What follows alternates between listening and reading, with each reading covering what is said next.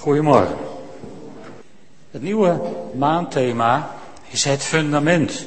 En ik wil vandaag drie korte stukjes met jullie lezen uit de Bijbel. En zometeen komen we op die stukjes even iets langer terug. Dus ik heb ze even voor jullie op de dia gezet. Dan hoeven we niet te wachten op het zoeken. Maar ik kom straks bij elke tekst even terug. Dus als u mee wilt lezen, voel je vrij. In Jesaja 28 vers 16, dan schrijft de profeet Jesaja, maar dit zegt God de Heer. Ik leg in Sion een fundament met een uitgelezen grondsteen, een kostbare hoeksteen. Wie zijn vertrouwen daarop grondvest, hoeft geen andere toevlucht te zoeken. Het tweede gedeelte komt uit de eerste brief aan de Corinthiërs, hoofdstuk 3, vers 10 en 11. Vers 9 eindigt eigenlijk zo. U bent een bouwwerk van God. Overeenkomstig de taak die God mij uit genade heeft opgelegd, heb ik als een kundig bouwmeester het fundament gelegd en anderen bouwen daarop voort. Laat ieder erop letten hoe hij bouwt, want niemand kan een ander fundament leggen dan er al ligt, Jezus Christus zelf. En dan het laatste vers komt uit de tweede brief aan de Corinthiërs, hoofdstuk 1, vers 21. Het is God die u en ons Christus als fundament geeft, die ons allen heeft gezalfd. Over deze drie Bijbelgedeelten wil ik vanmorgen kort met jullie nadenken. En we beginnen met Jesaja 28, vers 16. Dat prachtige woord uit het Oude Testament. Dit zegt God de Heer. Ik leg in Sion een fundament met een uitgelezen hoeksteen, grondsteen, een kostbare hoeksteen. Wie zijn vertrouwen daarop grondvest, hoeft geen andere toevlucht te zoeken. Een paar dingen over, over deze tekst. Om te beginnen, het begin. Waar ligt God de hoeksteen? Waar ligt uiteindelijk ons fundament?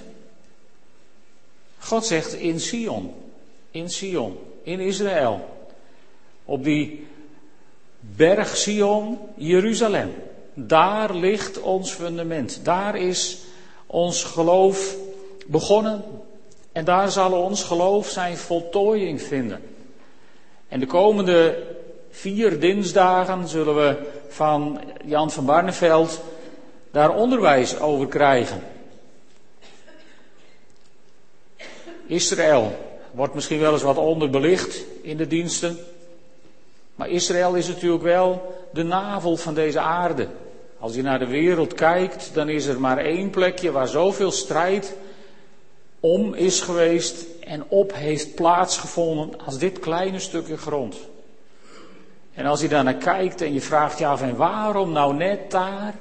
Nou, daarom om Jesaja 28, vers 16. Daar ligt die kostbare hoeksteen waar het is begonnen en waar het zijn voltooiing gaat vinden. En Satan weet één ding, daar vindt hij zijn einde. Daarom, zoveel strijd om dat kleine stukje aarde, dat kleine plekje op deze grote wereldbol. En de komende weken zullen we daar veel meer over horen. Het tweede is dat dat God zegt van ik leg een, uh, ik leg in Zion een uitgelezen grondsteen, een kostbare hoeksteen. Of zoals het in, in de Statenvertaling staat, een beproefde steen. Zo staat het ook in de NBG. Een beproefde steen. Een steen die zwaar getest is voordat hij deze rol mocht hebben. Het was voor de Joden duidelijk uit, uit de woordkeus in Jesaja dat dit moest gaan over de Messias. Sommige geleerden in, in Joodse kringen die legden dit uit. Het was in de tijd van koning Hiskia dat dit ging over koning Hiskia. Maar de grote meerderheid van de Joodse rabbies die geloofden dat dit een profetie was over de Messias. Met name door die woorden kostbaar, beproefd, uitgelezen. Dat moest over iets heel speciaals gaan.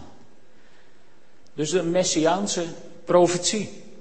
Beproefd en kostbaar. En als je naar het leven van Jezus kijkt, wat is Jezus beproefd geworden? Het begint al net aan het begin van zijn bediening. 40 dagen in de woestijn, beproefd, getest, uitgeprobeerd, gekeken wat hij waard was. En dan aan het eind van zijn bediening in de hof van Gethsemane, waar hij bloed zweet en het uitschreeuwt naar God, laat dit aan mij voorbij gaan, maar niet mijn wil, maar uw wil geschieden.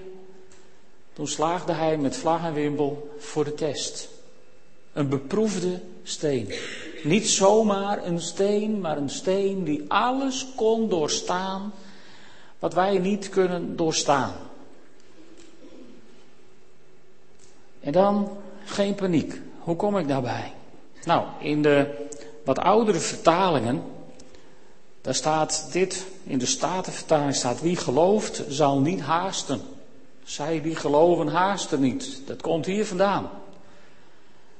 Ik had vroeger als klein jongetje een buurman die had dat als lijfspreuk. Dat straalde er ook af bij alles wat hij deed. Hij liep langzaam, hij fietste langzaam en alles wat hij deed ging langzaam. En als iemand er wat van zei, dan lachte hij even en dan zei hij, maar zij die geloven, haasten niet. Goed, maar daar gaat het eigenlijk niet om natuurlijk. Want in de context van dit verhaal gaat het over de druk waar het volk Israël in zit. De vervolging die ze hebben te ondergaan, de strijd die ze hebben te voeren. En dan, dan staat er wel heel letterlijk genomen, wie gelooft zal niet haasten. Maar waarom zal wie gelooft niet haasten? Nou, niet om alles zo lang mogelijk, langzaam mogelijk te doen en de boel op te houden. Maar als je de context leest, dan betekent dat wie gelooft die zal nooit haastig op de vlucht hoeven te slaan, voor welke dreiging dan ook. Wie gelooft, zal zich niet hoeven te haasten. Geen paniek. En daarom zegt de NBV het eigenlijk helemaal niet zo gek. Wie zijn vertrouwen daarop grondvest, dus wie gelooft in die kostbare hoeksteen, die hoeft geen andere toevlucht te zoeken. Welke andere toevlucht zou je überhaupt willen zoeken dan Jezus Christus? Er is ons geen andere naam gegeven tussen de, hier op aarde. Er is geen andere weg tot de Vader dan Jezus Christus. Dus waarom zouden we überhaupt een andere toevlucht zoeken? En zij die daarop vertrouwen, zij die op Jezus Christus vertrouwen, die hebben deze bijbelse belofte, die zullen zich nooit hoeven te haasten om weg te komen voor de vijand. Want hij die in mij is, is meer dan die in de wereld is. Of niet? Ja, die tekst kennen we wel uit ons hoofd, maar geloven we dat ook altijd in alle situaties? Dan zou er bij een christen nooit paniek hoeven te zijn, nergens over. Zij die geloven hoeven nooit haastig op de vlucht te slaan voor de vijand, want ze weten zich geborgen in de vaderhand van God.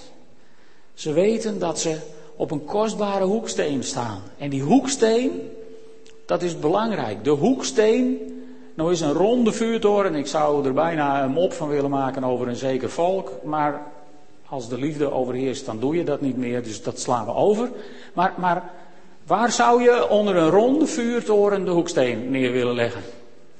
Dat is een goede vraag, maar daar gaan we het niet over hebben. Maar als je zo'n hoge toren wilt bouwen, is een fundament van cruciaal belang. En dan zijn de hoeken van zo'n fundament helemaal van cruciaal belang. En zo'n hoeksteen, dat was in die tijd waarin ze bouwden, er werden speciaal stenen vooruitgezocht. Hele grote, massieve stenen. En daarom waren ze ook altijd breder dan de rest van de muur. Zoals de Bijbel zegt van, het zal een hoeksteen zijn, een steen waarover mensen struikelen. Ja, het waren stenen waarover mensen struikelen, want ze staken altijd een eind uit de muur. En als je hard langs de muur holde en niet uitkeek, kwam je altijd de hoeksteen tegen. Dat kon niet missen. Grote stenen. En die hoeksteen, die heeft nog iets. Wil ik vanochtend even onder jullie aandacht brengen. Die hoeksteen, daar is wat mee. Want wat doet zo'n hoeksteen? Die maakt de hoek van het gebouw, of niet? Dus wat betekent dat? Zelfs als je, zelfs als je haaks op elkaar staat qua meningen, ontmoet je elkaar bij de hoeksteen. Daar was hij voor, die hoeksteen.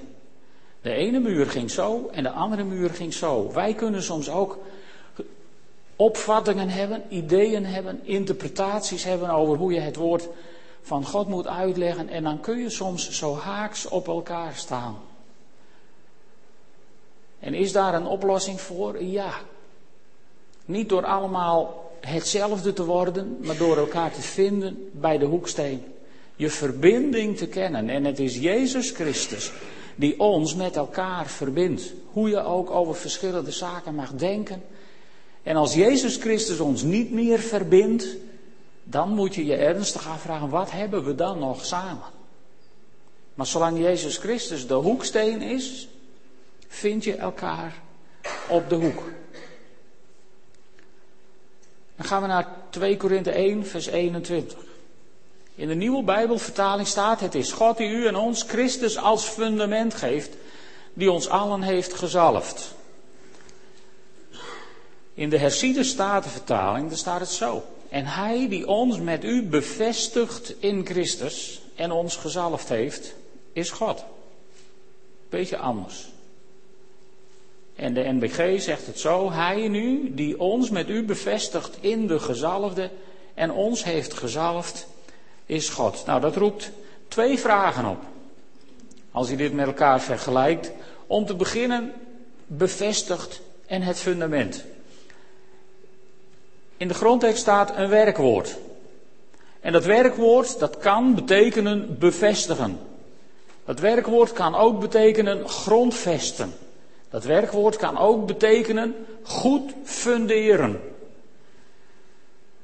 En ja, dat werkwoord dat leidt dan uiteindelijk tot een voorwerp en dat heet een fundament. Dus het, heeft, het zijn allemaal verschillende kanten van het woord wat er staat. Maar het fundament wat genoemd wordt in, in, in de stukjes die we hebben gelezen, is elke keer Jezus Christus.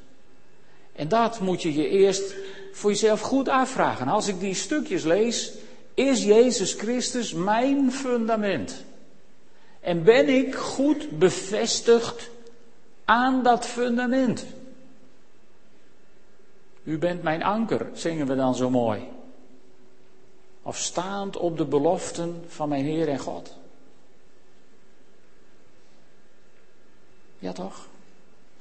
Is Jezus Christus jouw fundament? Het is goed om je dat elke keer weer af te vragen. Ben ik goed bevestigd aan het fundament? Hoe sta ik in mijn geloof? Hoe sta ik in het leven? Is Jezus Christus altijd het fundament waar je op staat? Of, of, of sta je in het leven af en toe op, op je carrière? Of sta je misschien in je leven af en toe op het fundament van je maatschappelijke positie? Je zult merken dat dat hele wankelbare fundamenten zijn. Er is maar één fundament wat niet wankelt, wat onwankelbaar is. En dat is het fundament Jezus Christus. En alleen als je daarop staat en er goed aan bevestigd bent, dan sta je vast.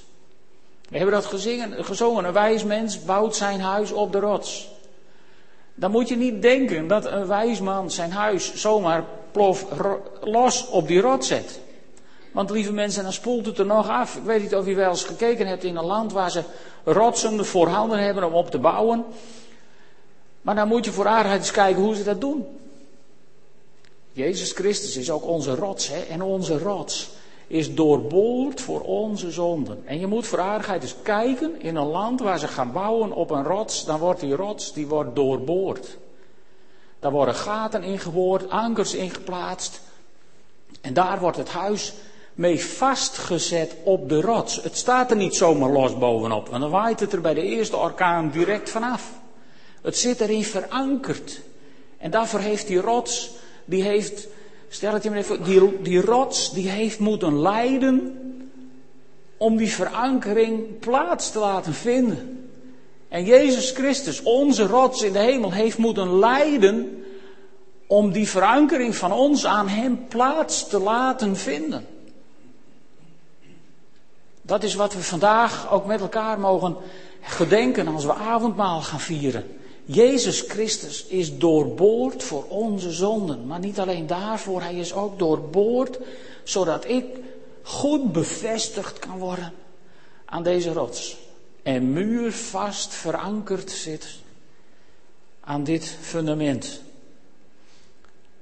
En het andere woordje waar je tegenkomt, dat is het woordje gezalfde en gezalfd. Dat tweede hebben ze allemaal, maar de NBG heeft daar wat een afwijkende vertaling. Hij nu die ons met u bevestigt in de gezalfde en ons heeft gezalfd is God. Als je naar de grondtekst kijkt, naar het Grieks, dan staat daar eis Christon kai Chrisas. Dus in Christus en gezalfd. Alleen als je goed naar die woorden kijkt, dan is het woordje wat hier staat, Christon, de vierde naamval, dat is, dat is weliswaar een woord wat wij gemakkelijk uit het Grieks overnemen en dan is het Christus. Maar als je naar, gewoon naar het woord kijkt, dan is het afgeleid van het woord gezalfd. De NWG heeft het helemaal niet zo gek opgepakt, want Christus betekent de gezalfde. Dat is eigenlijk het Nederlandse woord ervoor. En, en dan, dan zie je dus dat er kan staan dat God ons bevestigt in de gezalfde en ons heeft gezalfd. En wat moeten we ons daar dan bij voorstellen? Bij dat salven, daar kun je soms heel moeilijk over doen. Maar wat hebben wij gemeenschappelijk met Christus? Nou, in ieder geval één ding hebben we gemeenschappelijk met Christus. Toen Jezus Christus beproefd was in de woestijn, dus goedgekeurd was als hoeksteen, toen kwam hij bij de Jordaan, bij Johannes, en daar liet hij zich dopen. Jezus was gehoorzaam en je hebt de kans om op 24 oktober hem na te volgen. Ik moet het even zeggen. Jezus liet zich dopen. En wat gebeurde er toen? De hemel scheurde open en de Heilige Geest daalde als een duif op hem neer. En God zei, deze is mijn geliefde in wie ik een welbehagen heb in het Fries. Dit is mijn inlieve jongen. En nou, zo bijzonder. En weet je wat het, het, het, het mooie daarvan is? Als God nu vandaag naar jou kijkt. Mannen en broeders, dan, zegt, dan denkt God bij zichzelf, dan zegt hij misschien wel tegen zijn engelen, dat is mijn inlieve jongen, of dat is mijn inlieve famke, dat is, dit is mijn geliefde zoon, mijn geliefde dochter, in wie ik een welbehagen heb. Als God zo deze zaal overkijkt, dan zegt hij dat tegen iedereen van jullie. Je bent mijn geliefde zoon, je bent mijn geliefde dochter en ik heb een welbehagen in je. Neem dat maar even aan. Stop het goed in je binnenzak, zodat je dat niet vergeet. Jezus Christus werd dus vervuld met de Heilige Geest. En drie jaar later is Jezus gekruisigd, gestorven, begraven, nedergedaald in helle, maar ten derde dagen wederom opgestaan uit de doden, opgevaren naar de hemel, zittende ter rechterhand Gods van waar hij komen zal. En toen werd het Pinkster. En toen kwam opnieuw de Heilige Geest. Ditmaal niet als een duif, maar in een storm met tongen van vuur en vreemde verschijnselen. Het spreken in tongen en het allerhande andere dingen die erbij horen, overigens. Wat hebben wij nu gemeenschappelijk met Jezus Christus? De Heilige Geest. Wij zijn allebei gezalfd met de Heilige Geest die in ons is komen wonen. In Jezus Christus, in u en in mij. Dat hebben we gemeenschappelijk. Daarom zijn we door God gezalfd. En dat is dan het mooie. Het was Gods actie. Hij heeft het gedaan. Het was niet onze verdienste. Het was niet zo dat wij nou zulke geweldenaren waren die dat verdienden. Het was God die het deed. En dan gaan we naar het derde stukje. U bent een bouwwerk van God. Weet je dat? U bent een bouwwerk van God. Overeenkomstig de taak die God mij uit genade heeft opgelegd, schrijft Paulus, heb ik als een kundig bouwmeester het fundament gelegd. En anderen bouwen daarop voort.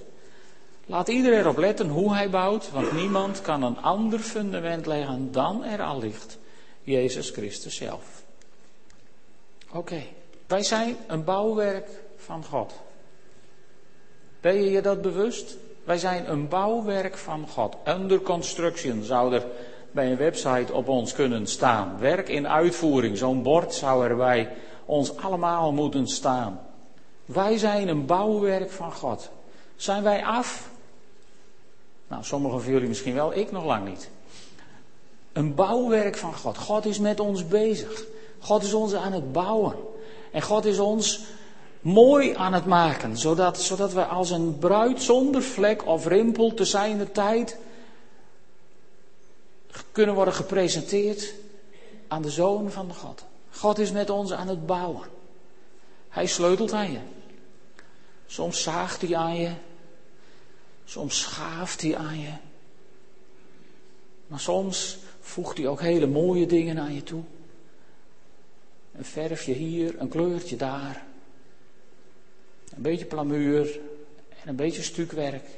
God is erop uit om een heel mooi bouwwerk van jou en van mij te maken, van ons. Want God is niet gauw tevreden. Hij is ook niet boos op je, maar God is niet gauw tevreden. God denkt niet gauw van nou, nou ja, de, ja, ja, leuk bouwwerk. Nee, dan nog wel wat aan, maar ach, nou, laat ook maar. Zo'n bouwer is God niet. Als God naar jou kijkt en hij denkt, nou, nou het, is wel aardig, maar het zou toch nog wat beter. Een erkertje hier, luifeltje daar. Bouwwerk zou nog wel wat mooier kunnen. Dan neemt God de energie om opnieuw met jou te beginnen. En daarom heb je van die fases in je leven. Soms heb je van die fases in je leven. Dan denk je, nou, ik ben redelijk af, geloof ik. Want het is rustig. En soms heb je van die fases in het leven. Dan lijkt het wel alsof alle funderingen onder je vandaan spoelen. Dan is God aan het graven wellicht om er nog een stukje bij aan te bouwen. Dat je denkt, nou, het zou nog wel wat mooier kunnen. Het zou nog wel beter kunnen. Weet je, God heeft het beste met je voor en hij geeft het never, nooit op. Zo oud zul je niet worden dat God de moed opgeeft om jou tot volmaaktheid te brengen. Dat is zijn wens. Wij zijn een bouwwerk van God. Aan de andere kant zijn we ook bouwvakkers van God. Want Paulus die schrijft het hier heel mooi. Hij zegt, uh, laat ieder erop letten hoe hij bouwt. Dat gaat over ons. Wij zijn bouwvakkers in dienst van God. En wat mogen wij dan bouwen? Nou, soms denken wij dat we onze broeders en zusters moeten bouwen. Maar dat is niet waar. Wij zijn een bouwwerk van God. Jij bent een bouwwerk van God. Ik ben een bouwwerk van God. En we hebben ons niet met het bouwwerk van God te bemoeien. Alhoewel we dat misschien wel eens wat te graag doen. Maar wat bouwen wij dan als bouwvakkers van God? Ik geloof dat wij geroepen zijn op deze wereld om het koninkrijk van God te bouwen op deze wereld. Om het gestalte te geven. Om het zichtbaar te maken voor zover wij dat kunnen. Het is wel een schat in aarden, vaten, maar desalniettemin mogen wij bouwen aan het koninkrijk van God. Jullie mogen bouwen aan het koninkrijk van God. Of je nou, of je nou net tiener bent, of je bent, je bent 80 of 90 geworden. Dat maakt allemaal niet uit. Je mag bouwen aan het koninkrijk van God. Dat is een groot voorrecht dat je dat mag. Je moet alleen opletten hoe je bouwt.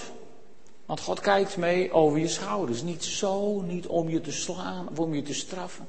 Maar God wil gewoon dat je goed bouwt. Dat je het fundament voor ogen houdt. En dat je ook met name, als je een bouwwerk wilt hebben, dan heb je een mooie tekening nodig. En die hebben we. Maar je hebt ook een bestek nodig. En dit boekwerk waar precies in beschreven staat hoe het bouwwerk gemaakt moet worden. En dat hebben we ook. Is niet mooi? We hebben tekeningen, we hebben een bestek, dus we weten precies hoe het gebouwd moet worden. En God wil ons leiden om dat op de goede manier te doen. Gods bouwvakkers. Zo mogen we God helpen aan de bouw van zijn koninkrijk. Maar er is één ding.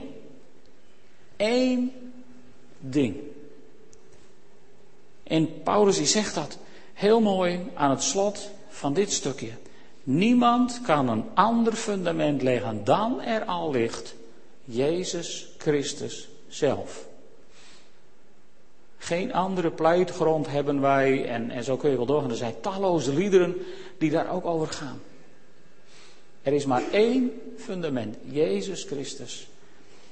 En daar heeft Paulus ons een prachtige tekst over nagelaten.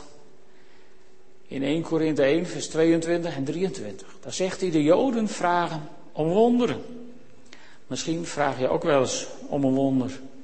Dat is op zich legitiem. Als we straks gaan bidden voor mensen na, aan het eind van de dienst. En je hebt een wonder nodig of je hebt een aanraking van God nodig. Kom dan heel gerust en laat mensen voor je bidden. Maar als de gebedsverhoring het fundament van jouw leven gaat worden, heb ik liever dat je niet komt en dat je blijft zitten. Als jouw geloof afhankelijk is van wat God wel of niet voor je doet, als jouw geloof ervan afhangt of God aan jouw verwachtingen voldoet, dan moet je je ernstig afvragen of je wel op het goede fundament bouwt. De Joden vroegen om wonderen en die kregen ze niet. Waarom niet? Uit lijfsbehoud, omdat ze anders daar hun geloof op zouden bouwen. En, en, en de Grieken zochten wijsheid. Wijsheid. Er zijn tegenwoordig heel veel theologen die zoeken wijsheid. Of die hebben misschien wel heel veel wijsheid. Er zijn theologen geweest die professor, doctor waren. Nou, allemaal van die titels die ik nog steeds niet heb. Maar, maar ondanks al hun wijsheid. Was er eens een, en ik noem geen namen, maar die riep: Verzoening kan ik in de Bijbel niet vinden. Dan denk ik: hoe is het mogelijk? Zoveel titels voor je naam en de, de verzoening in de Bijbel kun je niet vinden. Doe je ogen open en kijk. En, en, en er zijn professor, doctors geweest die zeggen, nou maar, ik kan niks met Jezus Christus als de Zoon van God. Grieken zoeken wijsheid. Ja, maar als wijsheid je fundament wordt, kun je kennelijk helemaal het spoor bijster raken. En dan kun je zelfs boeken schrijven over een geloof in een God die niet bestaat. Ja, je moet het maar bedenken. Als wijsheid je fundament wordt, dan komt het niet helemaal goed. En dan zegt Paulus, maar wij verkondigen een gekruisigde Christus. Voor Joden aanstootgevend, voor heidenen dwaas, maar voor ons het absolute fundament van ons geloof. Of niet? Ik verkondig jullie een gekruisigde Christus. Een beproefde hoeksteen die de verzoekingen in de woestijn met glans doorstond. En die de test in de hof van Gethsemane met glans doorstond. En die zelfs de marteldood aan het kruis met glans doorstond. En aan het einde zei, lieve vriend, lieve vriendin, wat jij in je leven ook moet doorstaan. Wat er in jouw leven ook aan problemen op dit moment misschien voorhanden is. Ik wil je één ding zeggen. Het is volbracht. Ik heb voor jou de oplossingen bewerkt. Misschien zie je ze nog niet en misschien snap je het nog niet helemaal. Maar als jij blijft staan op dat ene fundament, Jezus Christus, en dien gekruisigd, dan zul je niet wankelen, al hoe hard de stormen misschien ook om je heen gieren. Om jou, om je gezin, om Sem en Karin. Om er maar één te noemen.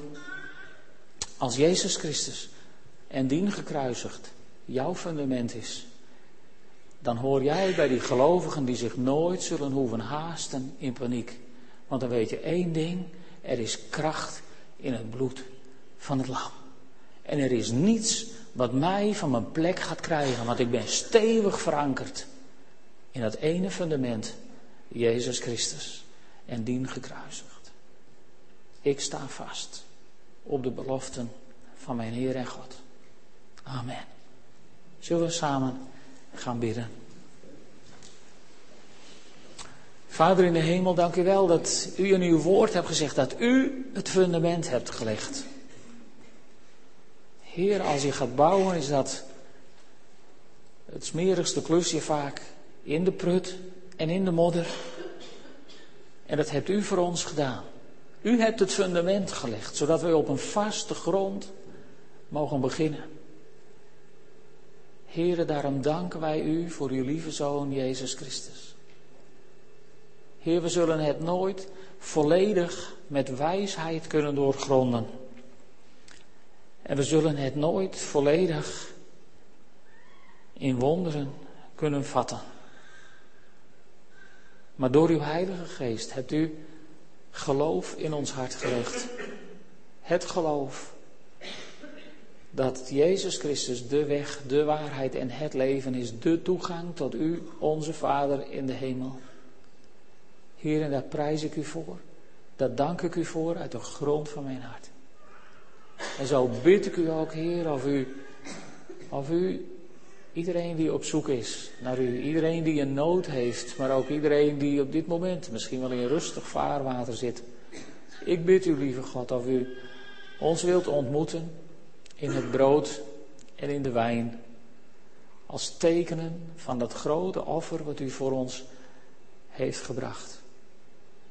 Heer, het is het feestmaal van het voltooien van de fundering. Ik dank u wel dat we dat mogen vieren vandaag.